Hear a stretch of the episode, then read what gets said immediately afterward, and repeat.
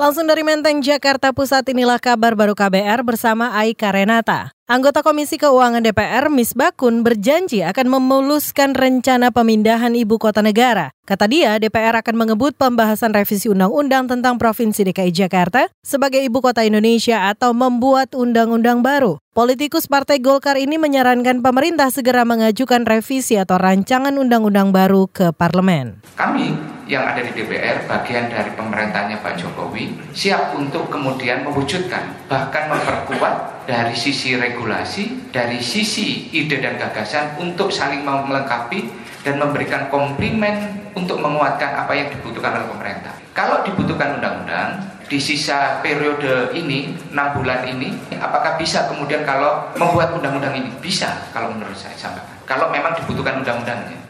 Anggota Komisi Keuangan DPR Misbakun menambahkan pemerintah bisa mengajukan RUU pemindahan ibu kota sebagai usulan program legislasi nasional atau prolegnas prioritas. Kata dia, banyak undang-undang yang berhasil disahkan dalam waktu singkat.